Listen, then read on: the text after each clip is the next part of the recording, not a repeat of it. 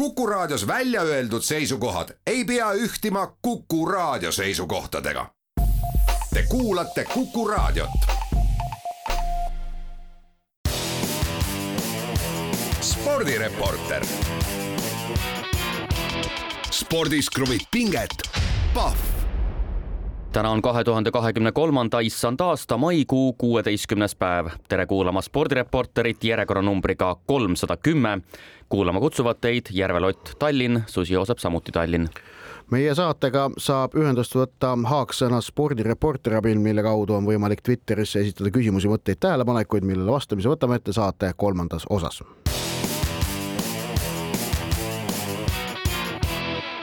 aga alustame spordireporteri saadet, nagu meil ikka kombeks on, kiirete ja aktuaalsete teemadega ning ähm, teemaks number üks oleme sedapuhku valinud jalgrattaspordi. Äh, nimelt saja kuues Itaalia velotuur ähvardab muutuda farsiks, sest koroonaviirus kipub peagrupi väga hõredaks rehitsema. ainsa eestlasena Giro d'Italia stardis olnud Rein Taaramäe teatas pühapäevase eraldi stardi järel, et jätab koroonaviirusesse nakatumise tõttu velotuuri pooleli ja lisas, et tema hinnangul on pea pool pool peagrupist ähm, viirusega pihta saanud, noh, Taaramäe, kuidas nüüd öelda, talle omaselt ähm, pani vist natukene värvi juurde, ütleme niimoodi. aga no selge on see, et, et koroonaviirus sellele Giro d'Italiale väga suure jälje jätab, sellepärast et praeguseks on võistluse pooleli jätnud kümmekond jalgratturit, kelle seas ka Giro d'Itaalia tänavune suursoosik ähm, belglane Remco Evenepoel jah, eh, no kindlasti see eh, Evenepooli katkestamine jätab iseärandis suure jälje eh, tuurile tervikuna, arvestades ka asjaolu, et just nimelt sellesama eraldistardist sõidu Evenepool taas võitis, on mõlemad eraldistardid võitnud tänavusel tuuril. tõsi, tõsi, ta selle pühapäevase võitis ta väiksema eduga, kui arvati, et ta, et ta võiks selle võita, et noh, pigem vaadati, et tal läks pühapäevane võistlus läks untsu ja siis hiljem sai selgeks, miks tal tegelikult see untsu ei läinud, et tal oligi juba olnud, noh, viirus oli tunda oli keeruline, aga, aga nojah, et vaata, et kui me koroona ajal harjusime ära noh, kui koroonapandeemia kestis, et äh, see võib võistlusi mõjutada ja me justkui äh, noh, leppisime seda sellepärast, et muud moodi poleks saanud tippspordiga üldse jätkata, kui, kui oleks hakanud viiruse mm, küüsi langenud sportlastele nii-öelda puhta võimaluse andmise pärast võistlusi pooleli jätma ja siis millalgi uuesti alustama, see poleks olnud võimalik. siis nüüd, kui noh, koroona on ikkagi, kuidas öelda, noh, taandunud pildilt, kadunud pildilt peaaegu siis tundub eriti äh, selline, e-, kuidas öelda, noh, ebaõige, et seetõttu võistlus lörri läheb ühel suursoosikul ja, ja nüüd on huvitav näha, et, et kas nüüd jääb sellele Girole selge koroonamärk juurde, samas kui koroona ajal peetud äh, suurtuuridele. Tegelikult koroonamärki juurde ei läinud, sest toona lepiti sellega, et koroona on jah, no kui vaadata mm, sportliku poole pealt ainult äh, kõigepealt jah, siis äh, tegelikult äh, no teatud mõttes muutis see ju selle esiotsa seisu põnevamaks, see Venepooli ülekaal näis olevat küll võrdlemisi suur, nüüd on sellised suurkujud omavahel vastakuti nagu Geraint Thomas ja Primoz Roglic, kes on siin kahe-kolme sekundi sees jah, aga tõesti, ma olen täiesti nõus sellega, et see perspektiiv situatsioonil on hoopis teistsugune, kui ta oleks olnud äh, siin, ma ei tea, isegi aasta tagasi, poolteist aastat tagasi, et äh, tol hetkel oleks olnud täielik normaalsus, nüüd äh, järsku kuidagi raputati spordiväli üles vähemasti. kuidas nii on võimalik? ses tähenduses jah, et esiteks, et kas on veel kusagil üldse mingisugused piirangud ja tuleb välja, et ikkagi need tiimisisesed piirangud on praegusel hetkel esmased, aga äh, tõesti see äh, koroona äh, periood oli ju selline, kus tegelikult me pidevalt tundsime hirmu. noh, hirm ei ole hea sõna, aga oli selline ärevus kõikide selliste pikema ajaperioodi vältel aset leidvate võistluste puhul, et kui suur on nii-öelda haigestunute hulk kas üldse eh, saab selle korralikult läbi viia, võib-olla ongi pooled eh, kadunud. Ehm, aga tegelikult ju ei ühelgi eh, velotuuril, mis on väga oluline olnud, ega tegelikult olulistel võistlustel laiemalt, ütleme sellist situatsiooni peaaegu nagu ei mäletagi ja loomulikult põhjuseks on noh, väga lihtne asjaolu, et siis olid need nii-öelda koroona reeglid ka võistlustel hoopis teistsugused, ehk siis no, hoiti et, et, ettevaatusabinõud olid väga võimsad ja noh, tegelikult on juba kuulda, et nüüd see Evenepooliga juhtunu ja tegelikult noh, teiste ratturite kaasused, kes on pidanud Giro d'Itaalia pooleli jätma, on juba praegu Itaalias ikkagi oluliselt mõjutanud tiimide ja jalgratturite käitumist. maskid on ilmunud vaata et igale poole. Ineose meeskond, lugesin vist kas The Guardianist või BBC-st, emast-kummast, et Ineose meeskond, Geraint Thoomase meeskond siis eilsel treeningsõidul, mida vahepäeva, sellel puhkepäeval ikka tehakse, et minnakse, sõidetakse noh, natukene toonust hoidmiseks ilmselt, ilmselt siis mingi siin sadakond kilomeetrit või midagi sinnakanti, ma ei tea, mis see distants võib ollagi, omajagu, aga et kui tavaliselt on komme, et meeskond. võtavad seal neli-viis tundi. jah, läheb, läheb, läheb sõitma, teevad selle nii-öelda treeningu keskel, teevad peatuse kuskil tee ääres kohvikus, et juua kohvi siis eile äh, seda ei julgetud teha just nimelt koroonaviiruse äh, kartuses äh, on hakatud vältima igasuguseid kontakte ehk et sisuliselt ongi ennast ise nii-öelda koroonamulli isoleeritud. ehk et noh, paanika on päris suur, paistab praegu Girol ja noh, arusaadav, sellepärast et just nimelt ei osata enam selle ohuga, ei osatud arvestada ilmselt.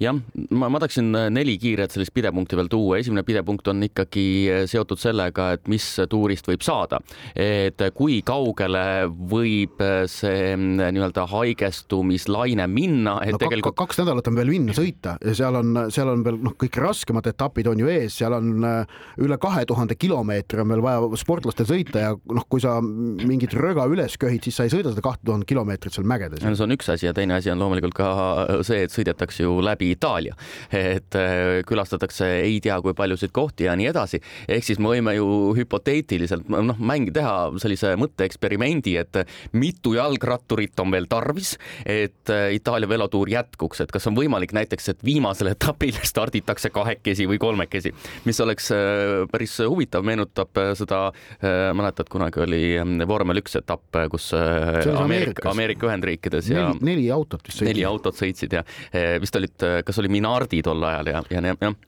ja, Ferrari vist, sest et seal oli mingi rehvide ja. osas vaidlus, et ühe rehvitootja ja äh, autod ainult olid stardis, teine, teine CRF-i tootja omad läksid äh,, astusid kõrvale. nii, äh, teine tähelepanek on see, et äh, teatud mõttes äh, mõjub see ju spordiväljale hästi, arvestades seda, et puhtalt see juhtum ma olen täiesti veendunud, muudab väga palju Prantsusmaa velotuuri ettevalmistust näiteks. no see ettevaatlikkuse faktor tuleb nüüd väga selgelt jalgrattasporti kindlasti sisse, aga ma usun, et, et noh, seda võistlust ja siin juhtunut panevad tähele ka teised. nii et siin selle suve suurematel võistlustel võidakse hakata neid sellele kõigele koroona asjale tähelepanu pöörama, sõltub muidugi sellest, kuidas see viirus Euroopas siin tegutseb. kolmas asi äh, puudutab Rein Taaramäed, kes tegelikult viimasel hetkel sai peale, on teinud väga hea hooaja alguse, oli ise väga pettunud muutunud äh, mõistagi, aga no teist poolt vaadates äh, haigusperiood praegu ja tegelikult äh, põhimõtteliselt ju tema plaan ei näinud ette Itaalia velotuuril osalemist, nii et selles mõttes kõik läks nii-öelda vanasse registrisse tagasi, nii et ma arvan, et ütleme, ülearu suur tagasilöök see ei ole ja, ja küllap ta tänavusel aastal ikkagi vähemasti ühel suurtuuril saab osaleda veel. ja, ja viimane selline laiem teema, millele me ei jõua väga palju keskenduda, õieti üldse ei jõua, aga ma lihtsalt markeerin selle ära et pärast Evenepooli äh, positiivset koroonaproovi hakkasin otsima, et kas on juba olemas selliseid põhjalikumaid analüüse, mis käsitleksid äh, küsimust, mil moel korra, koroonapandeemia on tegelikult mõjutanud, teisendanud spordivälja laiemalt. ja, ja tuleb välja, et praegusel hetkel veel ei ole, et pigem osutatakse jah, sellistele suurvõistlustele, et kuidas kõik need tingimused, ettevalmistus, kvalifitseerumine ja nii edasi olid teistsugused, aga et kuivõrd palju ikkagi kogu seda spordielu, spordivälja see koroonapandeemia mõjutas ja, ja mil määral see mõju kandub ka nüüd hetke, praegusesse hetke, et äh, sellele oleks, oleks huvitav mõelda. ma arvan, et sellel üks asi, mis, mida mõjutas, on spordiülekannete kvaliteet, mis tõusis, kuna koroona ajal pidid äh, väga paljud spordialad ennast äh, nii-öelda noh, müüma ja näitama ainult ülekannete kaudu, seetõttu pandi sellele poolele rohkem rõhku ja ma julgen arvata, arvata, et lihtsalt see kvaliteedihüpe selles vallas oli päris arvestatav no,. ja, ja, ja see on asi, vaata, mis nagu noh, kui saavutatakse, siis ta jääb suhteliselt püsima, sellepärast et noh, need, need, need, need standardid on, on, on suht lihtne üleval hoida, kui nad on saavutatud. kusjuures räägitakse ka sellest, et praegusel hetkel spordivõistluste publikunumbrid on pea kõikidel aladel tiba kõrgemad, kui olid varem. Ehm, ja see on paljuski koroonapandeemia tulemus, ehk siis minnakse saali areenidele ja nii edasi. Eesti ja..., muuseas Eestis näeb ka seda praegu, meil on päris head kõikidel, noh, kui me vaatame pallimängude erinevaid meistrivõistlusi, päris head publikunumbrid nii korvpallis kui ka jalgpallis. aga läheme nüüd teemadega edasi, võtame ette teema number kaks ning räägime Portugali MM-rallist tõepoolest autoralli maailmameistrivõistluste hooaja viienda etapi Portugalis võitis tiitlikaitsja Kalle Rovanpera ja teise koha sai Hyundai'l Dani Sordo, Esa-Pekka Lappi oli kolmas ja Ott Tänak, kes vaevles äh, küll ühe, küll teise, küll kolmanda probleemi käes, äh, sai lõppeks väga korralikud punktid kätte ja oli neljas. Kalle Rovanpera siis möödunud aasta maailmameister, kes äh, vahepeal võitis eelmisel aastal kuuest etapist viis, kümnest etapist kuus ja nii edasi siis vahepeal polnud kuus etappi võitnud ja tänavusel aastal oli vaid korra avaetapil jõudnud esikolmikusse. no tõeline jõudemonstratsioon Rovanpera Toyotal, aga maailmameistrivõistluste sarja üldseis Rovanpera nüüd juhtimas üheksakümne kaheksa punktiga, Ott Tänak võiks isegi öelda kindlalt teisel kohal, kaotab seitsmeteistkümne punktiga ja omakorda edestab Sebastian Ogier kaheteistkümne punktiga, aga võttes kokku selle ralli, siis ma tooksin kolm tsitaati ja kõik kolm tsitaati pärinevad Ott Tänakult. esiteks vedrustusega on probleeme, kiiruskatsete esmakordsel läbimisel sileda tee peal on veel enam-vähem, aga kui teisel ringil lähevad konkurendid kiiremaks, muutume meie aeglasemaks. teiseks, aken, kus auto sõidab ja kus ei sõida, on liiga kitsas. ralliauto peaks olema suuteline erinevates oludes sama seadistusega sõitma, aga kui täna lähed katselt katsele, siis sõidaks justkui autoga, millega pole kunagi sõitnud. ja kolmandaks, lõpuks saime täiesti normaalsed punktid, see hoiab meid pildis, aga pikalt kindlasti nii ei kelguta see oli siis äh, Ott Tänaku tsitaatide läbi nii-öelda mikrotasand ralli MM-sarjas äh, toimuvast, kus siis Kalle Roompere on äh, oma liidripositsiooni taastanud.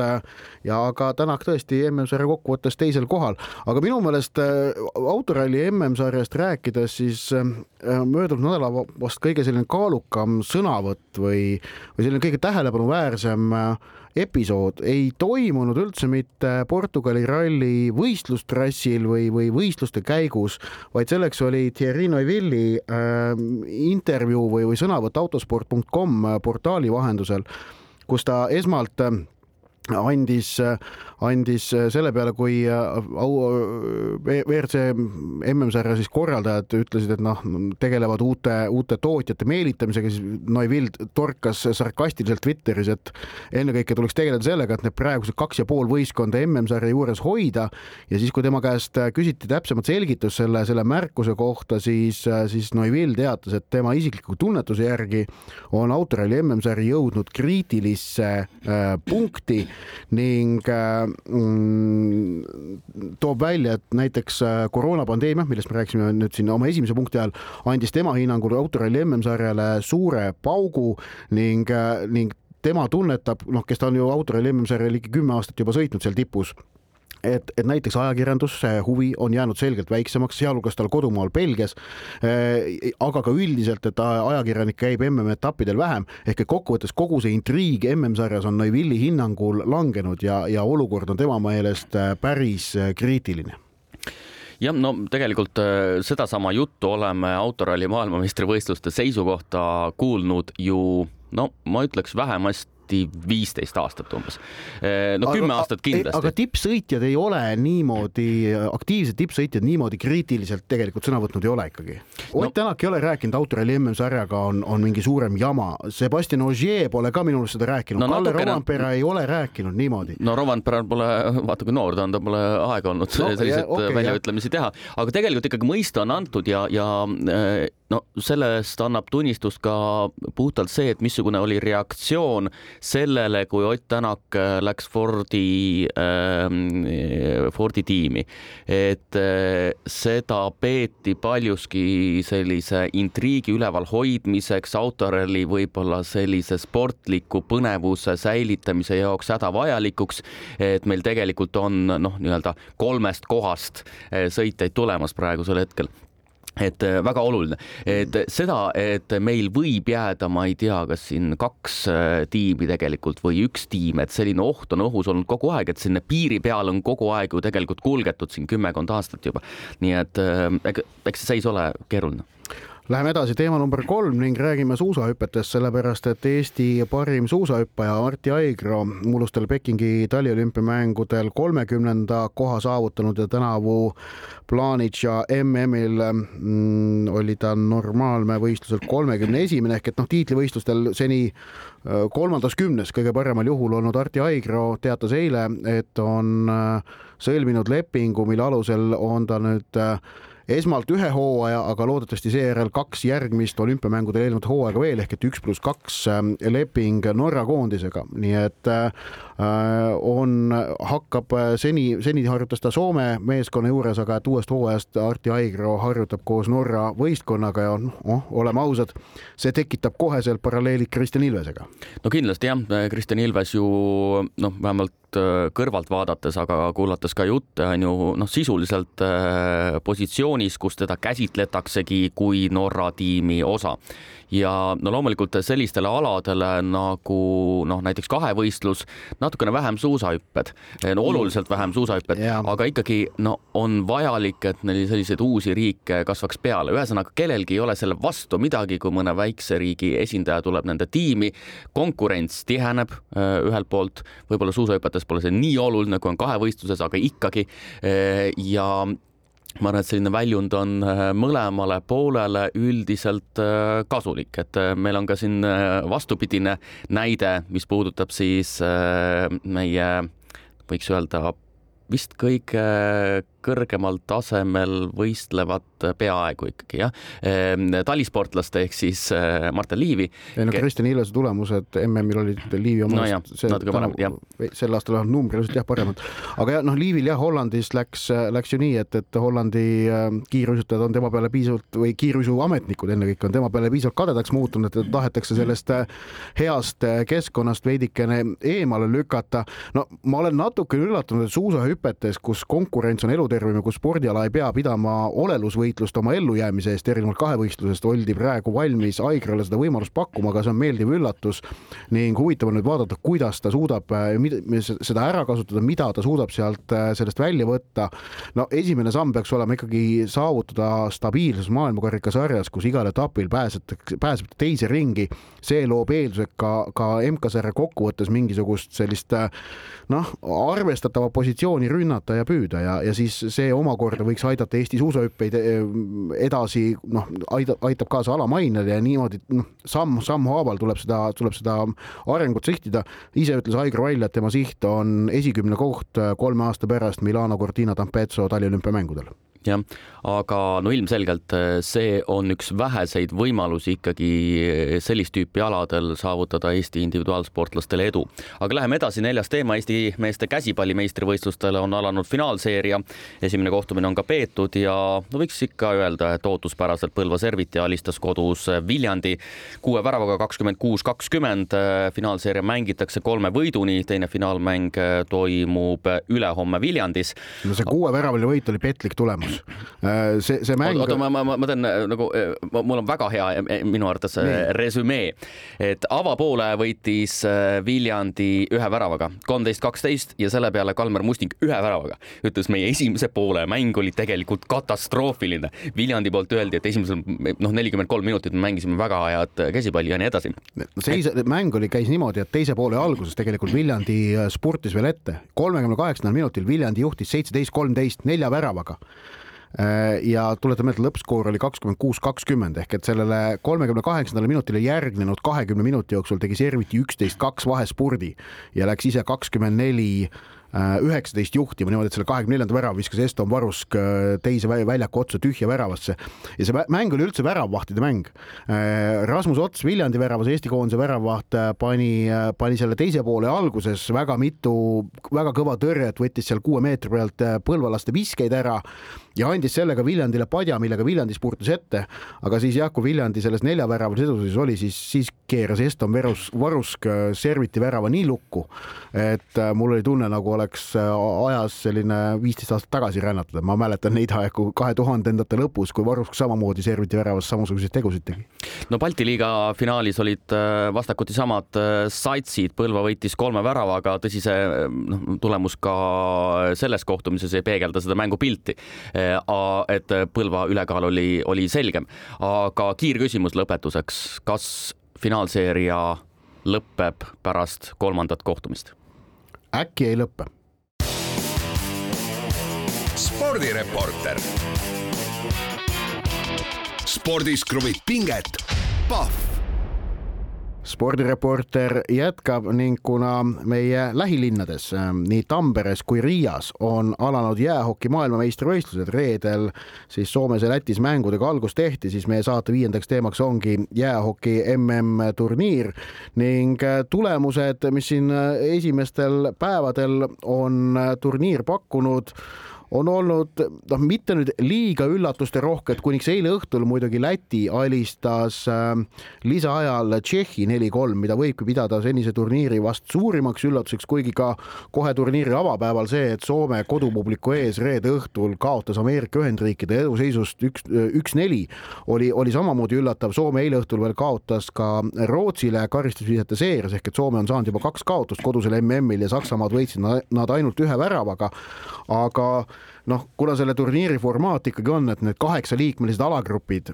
siis, siis no selle seitsmemängulise alagrupi turniiri käigus üldiselt Eh, ikkagi need tipud välja ei lange, nad, nad eh, saavutavad selle taseme, mis on vajalik jõudmaks veerandfinaali ja siis järgmise nädala neljapäeval veerandfinaalides vaadatakse, kes keda seekord. ja no ütleme nii palju, et kaks gruppi on siis eh, mõlemas grupis kaheksa, kaheksa koondist ja mõlemast alagrupist neli pääseb siis edasi, ehk siis noh, selline tavaline loogika. Ehm, ja kuna Venemaad ja Valgevenet ei ole, siis tegelikult noh, oleme ausad, nendes alagruppides tippude jaoks edasipääsemine on oluliselt lihtsam.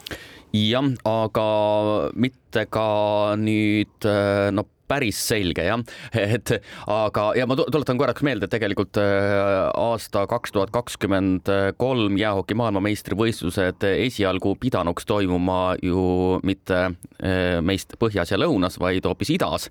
ehk siis äh, esialgu oli korraldaja Venemaa, kellelt võeti korraldusõigus ära väga tore. aga äh, ja kui vaadata äh, mõlemat alagruppi, siis äh, mõlemas alagrupis on üks sats minu arvates, kes on tohutult üllatusvõimeline.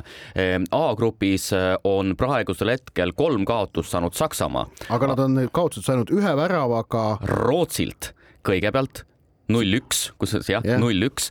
teises kohtumises äh, sakslased äh, kaotasid äh.... Soomele kolm-neli ja seejärel USA-le eile õhtul kaks-kolm ehk et kolm nappi kaotust.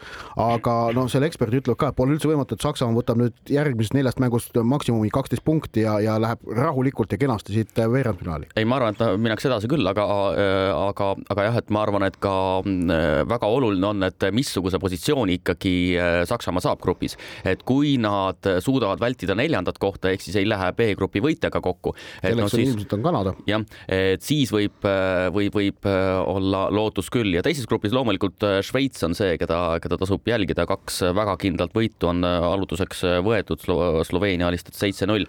aga see on selline väga sportlik tasand, see turniir läheb edasi, põhimine, millest on ikkagi räägitud, on ikkagi võistkondade koosseisud, et noh, Soome tuleb selles mõttes selge ju favoriidina, sest äh, tegu on valitseva olümpiavõitja, valitseva maailmameistriga, aga kui vaadata teiste koondiste koosseise, noh, nii palju kui mina jäähoki NHL-i vaatan, siis noh, vaadates näiteks Kanada koosseisu, no ei tea neid mängijaid, ei tea ja selle kohta äh, sattusin väga huvitava artikli peale ajalehes Ilda Sanomat Soome Päevalehes, kus siis äh, nende hokispetsialist Mikko Günther kirjutas äh, ning tõi välja, et ikkagi iga-aastane MM-turniir tähendab paratamatult selle võistluse devalveerumist. toob välja esiteks selle, et NHL-ist MM-ile tulevate mängijate hulk on äh, pärast koroonaviiruse pandeemiat selgelt hakanud langema. et äh, ta püsis seal kaheksakümne ja saja vahel kahe tuhande kümnendate keskel ja teises pooles. kaks tuhat kaheksateist oli saja, sada kümme, kaks tuhat üheksateist sada kakskümmend mängijat NHL-ist tuli MM-ile. aga nüüd pärast koroonat on langenud äh, see arv alla kaheksakümne. praegu pole Tampere ja Riia MM-il isegi mitte kaheksakümmet NHL-i mängijat. Äh, see on esimene asi ning teine nüanss, mille ta välja toob, on see, et nende NHL-i mängijate tase kes tulevad MM-ile, on veel selgemalt langenud. Ehk et kui NHL-is on viimastel aastatel väravate arv kasvanud ehk et äh, mängijate, järelikult mängijad, kes ka NHL-is mängivad, koguvad rohkem punkte selle NHL-i hooaja käigus, siis samas nende MM-ile tulevate NHL-i mängijate keskmine punkti saldo mida nad on siis äh, NHL-i hooaja jooksul saavutanud, on selgelt langenud. kaks tuhat seitseteist, kaks tuhat kaheksateist oli keskmine NHL-i äh, mängija punktisaldo NHL-is, kes MM-ile tuli kolmkümmend kuus punkti, kaks tuhat üheksateist kolmkümmend kaheksa punkti, mullu kakskümmend üheksa punkti, tänavu kakskümmend viis punkti. Ehk et kolmekümne kaheksa punkti pealt langenud praegu kahekümne viiele, see on, see on ülisuur langus. Ja just nimelt näitab seda, mida sa ütlesid, et üpris tundmatud vennad tulevad lihtsalt. jah, no mõned sellised suured staarid on, näiteks Soome koondises üks vähemasti, kes on ka siin äh, kõvasti tänavusel aastal NHL-is punkte kogunud. aga me võime ju rääkida põhjustest tõesti ja üks põhjus on seotud ikkagi selle MM-i iga-aastase nii-öelda või aastase intervalliga jah, ja ma üldiselt laiemalt ütlen ka, et kui maailmameistrivõistlused toimuvad või leiavad aset igal aastal, siis minu arvates see on ükskõik mis alale liiga palju, et ma, ma olen alati mõelnud vehklemise kohta sama asja, et, et see võiks olla näiteks üle aasta või midagi sellist, et see kohe maid ju suurendab selle maailmameistritiitli väärtust ja nii edasi, aga no see on teine teema. aga, aga no jäähokis on mõeldamatu, et jäähoki loobuks iga-aastastest maailmameistrivõistlustest, sellepärast et see on rahvusvahelisele alaliidule finantsiliselt tohutult oluline ning jäähoki on tegelikult üks ala, mis on noh, kommertsmõttes ikkagi selgelt plussis ning kus rahvusvaheline alaliit suudab ka oma liikmesriike toetada, mitte ei käi see asi vastupidi ja sellega, seda just selle iga-aastase MM-i kaudu tehakse. aga, aga siin on nüüd oluline märkida just nimelt nendele NHL-i mängijatele see iga-aastane MM on taak, aga samas mul tuleb meelde see, mida ütles Robert Rooba nüüd selle koduse MM-turniiri eel, et, et kuidas äh, kuidas ikkagi Euroopa mängijatele see MM hooaja lõpetuseks on väga selge preemia, need on hooaja kõige oodatumad mängud, mis annavad puhkuse noh, eel sellise õige Äh, tunde, naudingu jäähokist ja, ja siin ongi, et kahe maailma põrkumine, et, et, et teatud taseme jaoks on see mm ülimalt oluline, pluss võtame sellest äh, kõige tipptasemest allapoole, siis seal see, et iga aasta see üldse koondis korra koos käib äh, kevadel ja seda MM-i mängib, on selle riigi jäähokikultuuri püsimiseks tohutult oluline, aga samas tõesti jah, et see tippkonkurentsis see iga-aastane MM natukene kurnab. no ja kui ma vaatan näiteks Soome koondist, siis jah, viis NHL-i meest on satsis et äh, noh, see on ilmselge.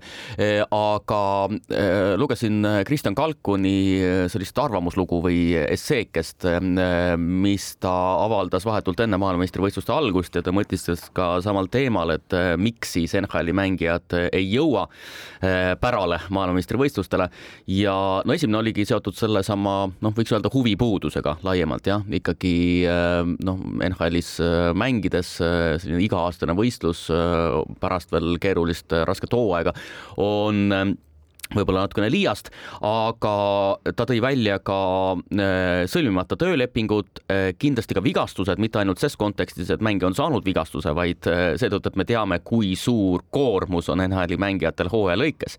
et pärast tihedat mängude graafikut veel noh, ütleme siis minna väga tiheda graafikuga mängima veel olukorras, kus võib-olla väikesed vigased, vigastused kimbutavad, näita mulle hea hokimängijat, keda ei kimbutaks väike vigastus ja nii edasi, et seda nähakse ohukohana ja siis äh, ka maksmata kindlustused ehk siis äh, tegelikult see on päris suur väljaminek kohalikele alaliitudele, et NHL-i mängijaid üldse kohale tuua. spordireporter. spordis kruvib pinget, Pahv spordireporter jätkab, Joosep Susi ja Ott Järvel jätkuvalt Kuku raadio Tallinna stuudios ning meie saate kolmas osa kuulub nagu ikka kuulajatelt laekunud küsimustele ning äh, naaseme esimese küsimusega ralliradadele, sellepärast et Mart on sellise päris äh, provokatiivse küsimuse meile läkitanud. mida see Toivo Asmer halab, et valitsus ei andnud Rally Estonia korraldajatele garantiid, millal lõpetab ralli arvamise, et nad on Eesti spordis vipid, kes peavad kõike saama ja kelle pilli järgi kõik mängivad? Siin on mitu külge, millele ma tahaksin esile tõsta. esiteks juba see, et äh, tõesti, kui sa sellist suulist intervjuud äh, kirjalikul kujul avaldad, siis äh, tihtilugu see tonaalsus läheb kaduma. et Toivo Asmer ei vingunud jah, või mis see sõnastus oli? Ehm, halas oli hala, ei halanud jah, ma arvan, et ta ei, ta ei, ta ei halanud, see on üks tasand, aga see, see ei ole oluline. Ehm, teine küsimus on, et seos sellise vipp-positsiooniga jah, ma arvan, et rallil ongi vipp-positsioon praegusel hetkel, arvestades noh, sa oled ju erinevatel välja, erinevates väljaannetes töötanud, tead väga hästi, missugune see näiteks klikidünaamika on siis, kui Ott Tänak panna kuhugi pealkirja või ja nii edasi. no, no praegu nüüd natukene vaadata viimase poole aasta jooksul seda meediapilti, mis toimub ralli nädalavahetustel, siis on muidugi suured portaalid kõik tagasi tõmmanud, võrreldes sellega, mis oli vahepeal. no on isegi, isegi selgelt on tagasi tõmmatud, tõsi, mitte nüüd selles spordi osas, aga just nimelt see, et ralli ei ole noh, Delfis, Postimehes, Õhtulehes enam äh, sellel nädalavahetuse ajal, kui võistlused käivad niivõrd äh, kuidas öelda, muid teemasid lämmatav, kui ta vahepeal oli. Äh, aga, aga spordiosakondade sees ta on muidugi jätkuvalt väga selgelt ähm, tooni seadev teema, sellepärast et huvi selle vastu lugejate seas on lihtsalt tohutu. tõsi, ma olen nõus sellega, et et autoralli kajastamine on meil äh, noh, mitte teab mis, teab mis põhjalik, sellepärast et tegelikult enamik sellest kajastusest on, on välismaiste portaalide tõlgitud uudised.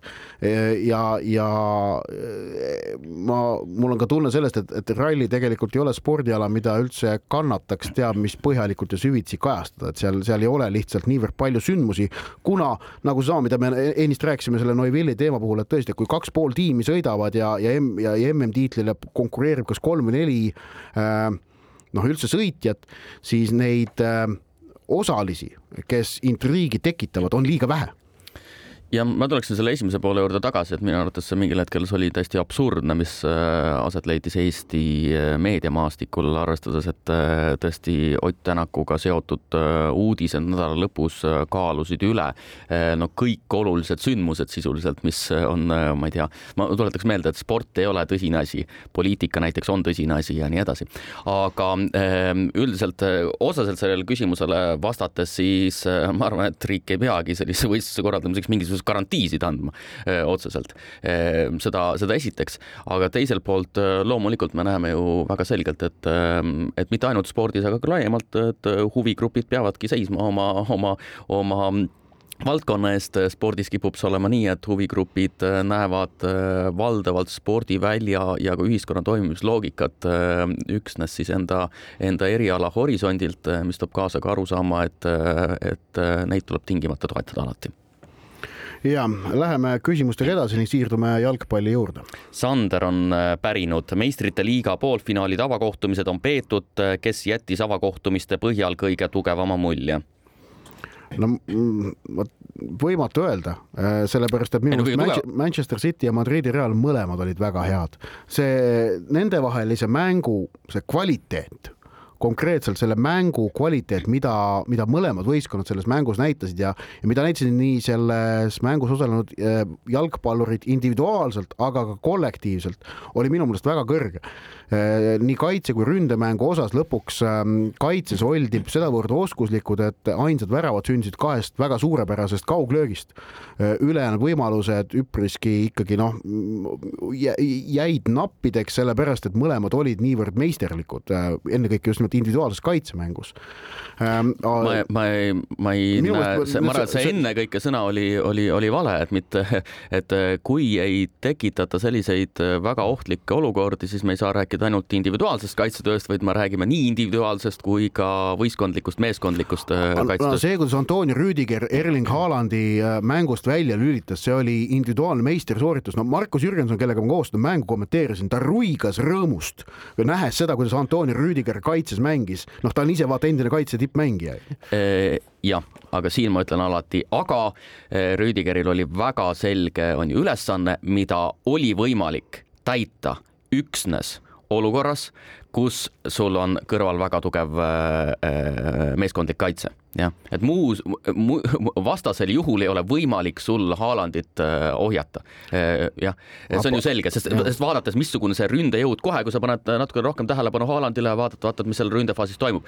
mina teeksin kokkuvõtte nii, et ma hakkasin mõtlema isegi, et kas tegemist on ühe võib-olla üldse ajaloo kõige kõrgema tasemelise mänguga, mida ma olen näinud see või ja, ja, ja, ja. sest, sest tõesti see individuaalne meisterlikkus oli niivõrd kõrge, äh, tasub lihtsalt vaadata, kuivõrd kiiresti äh, väikese ajavahega suudetakse anda näiteks, ma ei tea, selja taha neljakümne meetrine pass lihtsalt nagu muuseas visatakse neid palle sinna, sinna. meenutas selle, selle, selle ladususe mõttes, mida mõlemad võistkonnad näitasid, äh, meenutas see eelmisel siis MM-finaalturniiril seda veerandfinaali Inglismaa-Prantsusmaa, mis oli tegelikult tolle MM-i tasemel parim äh, mäng igasuguse kahtluseta. mitte siis draama, vaid just nimelt sportliku taseme mõttes. muidugi koondise jalgpall ei saa kunagi olla niivõrd lihvitud nagu tippklubi jalgpall, sest need võistkonnad on palju pikemalt kokku kasvanud klubides.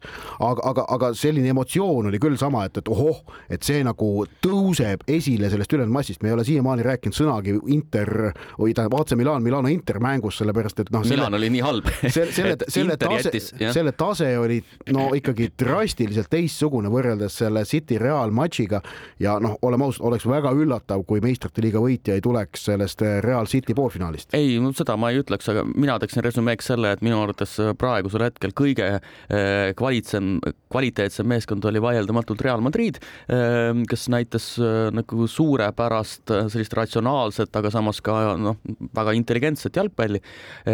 teises poolfinaalpaaris häda oli selles tõesti, et Milani kaitseliin oli, oli niivõrd kehv sellise taseme kontekstis, et Inter jättis tõesti noh, oivalise mulje. aga noh, kes siis Inter Reali finaali võidab, võidab, ma arvan, et see on veel lahtine. ja ma siin toon muuseas, et infoks Kihlve kontorid peavad äh, edasipääsu mõttes Manchester Cityt väga suureks soosikuks, mis minu jaoks on täiesti arusaamatu.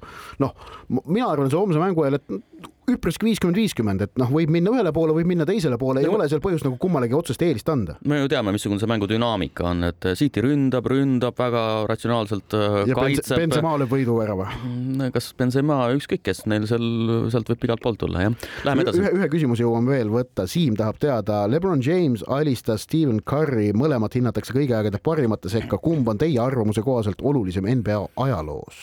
selle olulisuse, võib-olla Otil on mingisugune väga selge definitsioon sellele olulisusele, et mis seda kriteeriume. seda puhku pean seda... tõdema, ei ole. ei ole jah? mul seda äh, valemit, mul see valem pole veel välja töötatud. mõlemal on sama palju meistritiitleid jah, äh, aga minu arvates äh, nad on olulised, ühelt poolt on ju noh, kui me vaatame puhtalt sportlikult, siis jah, mõlemad noh, laias laastus sama olulised, aga mõlema olulisus peitub natukene erisugustes aspektides. Lebron James on selline noh ühelt poolt bränd, ta on esinduskuju, tema kaudu noh, ikkagi päris pikki aastaid äh, kuidagi määratleti, defineeriti NBA laiemalt. ühesõnaga, ta oli selline esinduskuju, kellelt äh, loodeti Michael Jordani noh, sellise brändini jõudmist. teisel pool. aga Curry on see, kes on äh, tegudega väljakul korvpallimängu muutnud. Curry on täielikult muutnud seda, paljud ütlevad, et väga palju igavamaks korvpalli. noh, põhimõtteliselt matemaatiliselt, siin ei ole matemaatikat isegi vaja, on võimalik välja välja rehkendada, siis äh, see, missugune mänguplaan on kõige, kõige äh, tõhusam, noh, laias laastus on ju selge, et äh, missugune see NBA mäng praegusel hetkel on, kaugelt viskan peale, murran sisse. jah, ja kaks asja ja selle kahe, kahe elemendi peale kogu see mäng ehitubki ja nii on, ehk siis Kari on radikaalselt muutnud korvpallimängu, mis sa, mida me näeme NBA-s. Spordireporter. Spordis kruvib pinget, Pahv spordireporter on jõudnud lõpusirgele, Ott Järval ja Joosep Susi, mõlemad jätkuvalt Kuku raadio Tallinna stuudios ja saate lõpuotsas räägime nostalgia võtmes korvpallist, nimelt äh, sel nädalal algab koduse meeste korvpalliliiga finaalseeria ja pärast mõneaastast pausi, no viis aastat pole seda näinud, äh, Kalev Cramo ja Tartu Ülikool ehk siis Tallinna-Tartu on taas vastakuti. Ja see loomulikult viib mitte ainult meie mõtted, vaid ilmselt kõigi äh, endast lugu pidavate spordisõprade mõtted äh, tagasi juba nullindate keskpaika, vähemasti aastasse kaks tuhat viis, kaks tuhat kuus, kaks tuhat seitse, kui algas äh, Tallinn-Tartu suur vastasseis aastatel kaks tuhat viis kuni kaks tuhat kuusteist, ei mänginud nad omavahel finaalis Tallinn-Tartu siis vaid ühel korral. see oli see legendaarne kaks tuhat kümme, kui äh, Rakvere Tarvas Andres Sõbra juhtimisel jõudis finaali. ning kui, kui armas, see oli vist see öö... Martin Müürsepp mängis Tarva eest, Tarvas läks finaalseeria seeriat kaks-null juhtima kahe võiduga Tartus, see oli, see oli see kaks tuhat kümme legendaarne kevad. aga sa ennist meenutasid siin seda, et kuidas ma erinevates lehetoimetustel olen töötanud, siis ma äh, siinkohal tahaks äh,, mul tulevad selle peale nüüd meelde, et see korvpallifinaali ja Tallinn-Tartu vastasseisud toon meelde, kuidas äh,, kuidas Õhtulehe sporditoimetuses nii kahe tuhandendate lõpul kui kahe tuhande kümnendate alguses korvpallifinaalidel toimusid eraldi korvpallifinaalide kajastamise koosolekud, mis kestsid pikalt ja kus me panime selleks no kahenädalaseks finaal finaalseeriaks pani, pandi ikkagi väga põhjalik plaan paika, et mida teha, kuidas teha, millal, kellega, mida täpselt, sellepärast et toona veel mängiti vaata nelja võiduni ka. Ja see oli kevade suur sündmus, see oli, see oli spordikevade põhiline sündmus oli korvpallifinaal, kogu ülejäänud Eesti sport tantsis selle järele. Jah, no mina no, mäletan ka... nagu praegu ütleme, noh, see dikteeris äh, sporditoimetuste tööd samamoodi nagu Ott Tänak dikteerib praegu.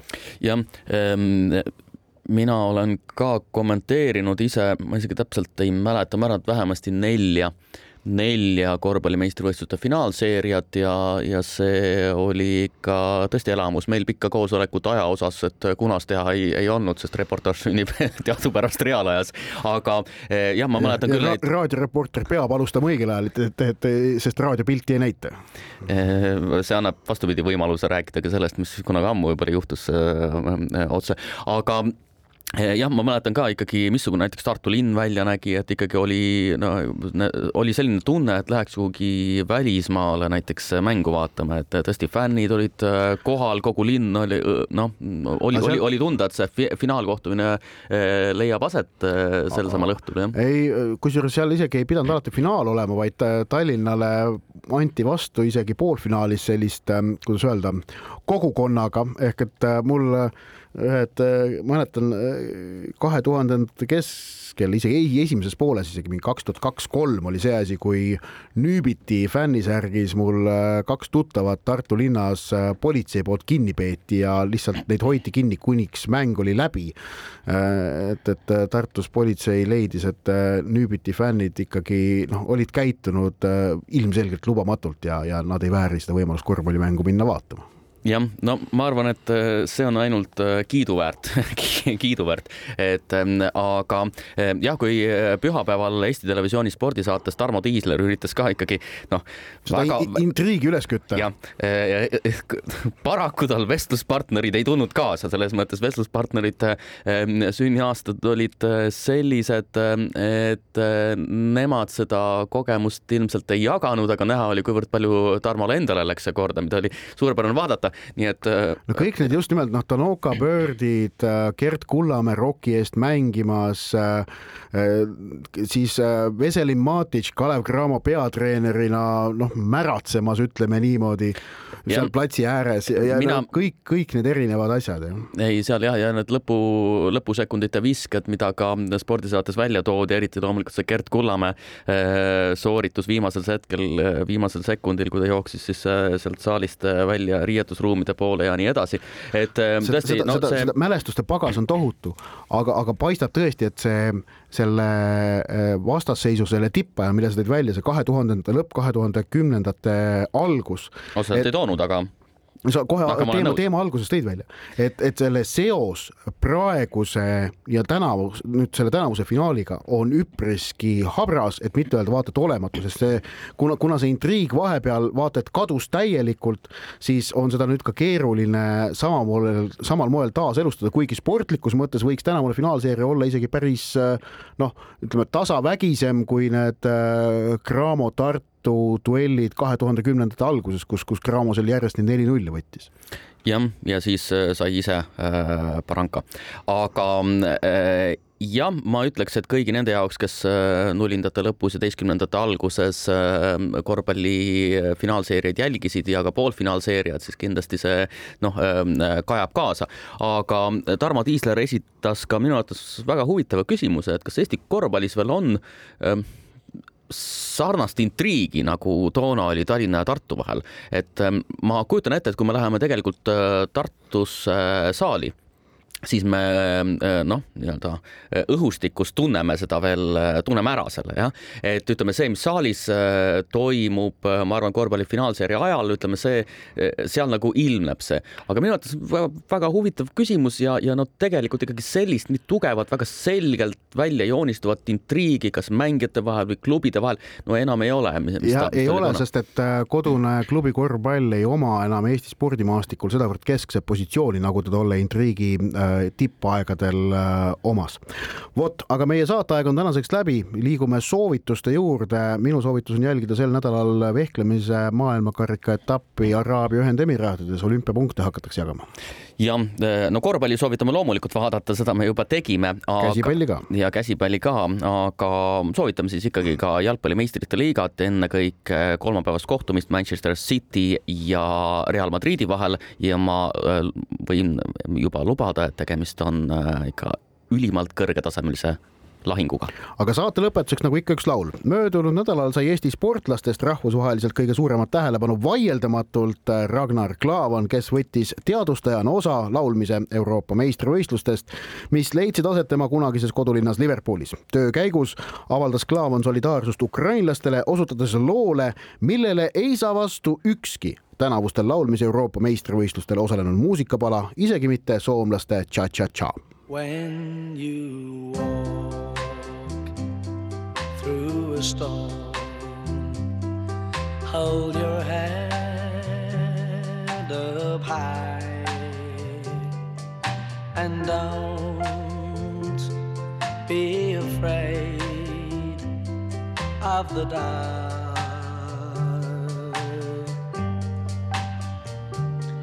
At the end of a storm, there's a golden sky and the sweet silver sound of love.